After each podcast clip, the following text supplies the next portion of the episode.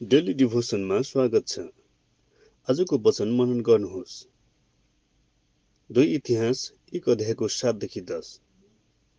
त्यस रात परमेश्वर सोलोमन कहाँ देखा पर्नुभयो र उहाँले तिनलाई भन्नुभयो म तँलाई के दिउँ मलाई भन्। सोलोमनले परमेश्वरलाई जवाब दिए तपाईँले मेरा पिता दाउदलाई महान र अचुक कृपा देखाउनुभयो र मलाई उहाँको सट्टामा राजा तुल्याउनु भएको छ। अब हे परम प्रभु परमेश्वर तपाईँले मेरा पिता दाउदलाई दिनुभएको तपाईँको वचन पक्का गर्नुहोस् किनभने पृथ्वीको धुलो जतिकै अनगिन्ती प्रजामाथि तपाईँले मलाई राजा तुल्याउनु भएको छ।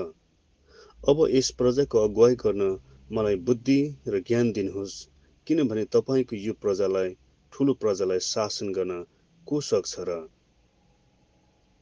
दाउदको छोरो सोलोमन राजा भएपछि तिनीसँग परमप्रभु खुसी हुनुभयो। एक रात उहाँ सोलोमनसँग देखा परेर के चाहन्छौ भनेर सोद्धा सोलोमनको जवाब उहाँलाई विश्वास लाग्यो। सोलोमनले प्रजा र देशलाई शासन गर्ने बुद्धि र ज्ञानको माग गरे। उनले किन परमेश्वरको बुद्धि नै मागे? उनले कसरी बुद्धि नै सबैभन्दा बढी आवश्यक हो भन्ने कुरा ठम्म्याउन सके? सोलोमन दाउद राजाको शिक्षामा हुर्केका थिए। दाउदले सोलोमनको हृदयमा परमेश्वरको वचन र ज्ञानलाई छरेका थिए। त्यसो हुनाले सोलोमनलाई जीवनमा सर्वश्रेष्ठ कुरा परमेश्वरको बुद्धि नै हो भन्ने कुरा थाहा पाए। उनले धन सम्पत्ति शक्ति र नाम भन्दा उहाँको बुद्धि र ज्ञानको खोजी गरे।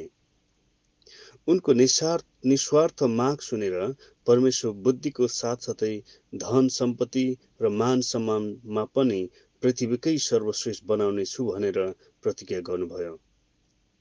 सोलमन बुद्धिमा यति प्रसिद्ध र बुद्धिमान थिए कि उनले सबैको हरेक प्रश्नहरूको उत्तर चित्तो बुझ्दो गरिदिन सक्थे।